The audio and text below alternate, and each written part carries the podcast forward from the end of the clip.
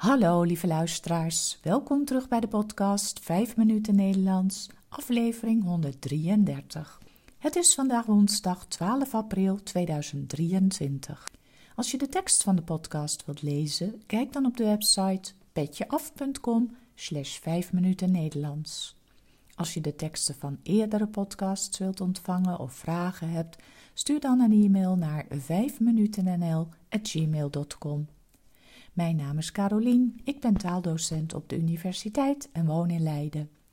In deze podcasts vertel ik iets over mijn leven, over wat ik de afgelopen dagen heb beleefd of iets over de Nederlandse taal en cultuur. Aflevering 133 Tulpen. Hebben jullie ook genoten van het mooie paasweekend? Ik wel. Met de paasdagen komen er altijd veel toeristen naar Nederland om de bollevelden te zien. Eerst staan de narcissen en de hyacinten in bloei. Die zijn bijna uitgebloeid en dan gaan de tulpen bloeien. We hebben nu een beetje koude periode gehad, dus men verwacht dat vanaf half april de tulpen volop in bloei staan. Ik had een prachtige bos tulpen van mijn moeder gekregen, dus ik kon er thuis van genieten. Toen we zaterdag op de markt liepen, zagen we een boot varen in de grachten van Leiden, die helemaal bedekt was met tulpen. Het was reclame voor de Bollerstreek. En het leuke was dat ze ook nog tulpen gingen uitdelen.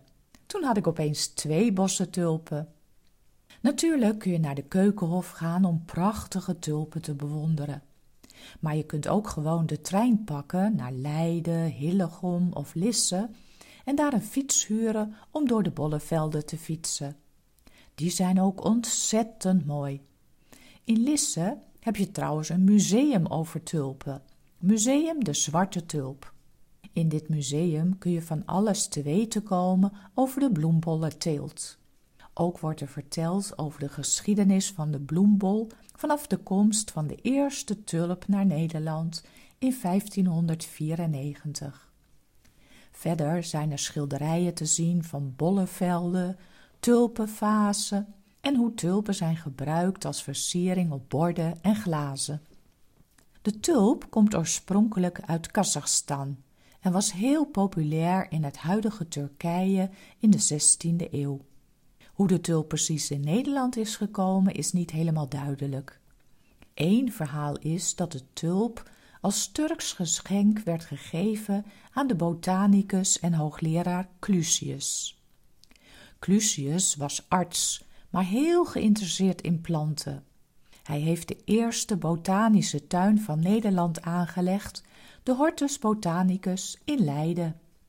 Als je naar de Hortus gaat, kun je daar nog steeds de Clusius-tuin bezichtigen, met een borstbeeld van Clusius. Deze Clusius plantte dus de tulp en kweekte zo tulpen in allerlei kleuren.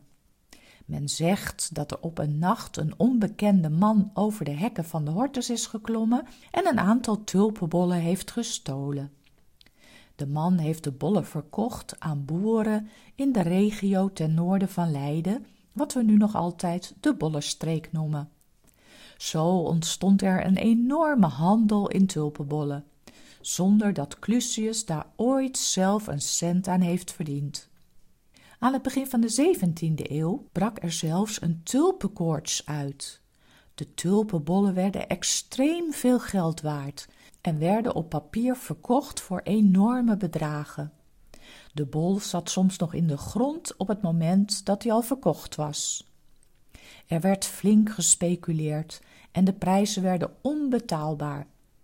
Je kon eigenaar zijn van een tulpenbol zonder deze ooit zelf in handen te hebben gehad.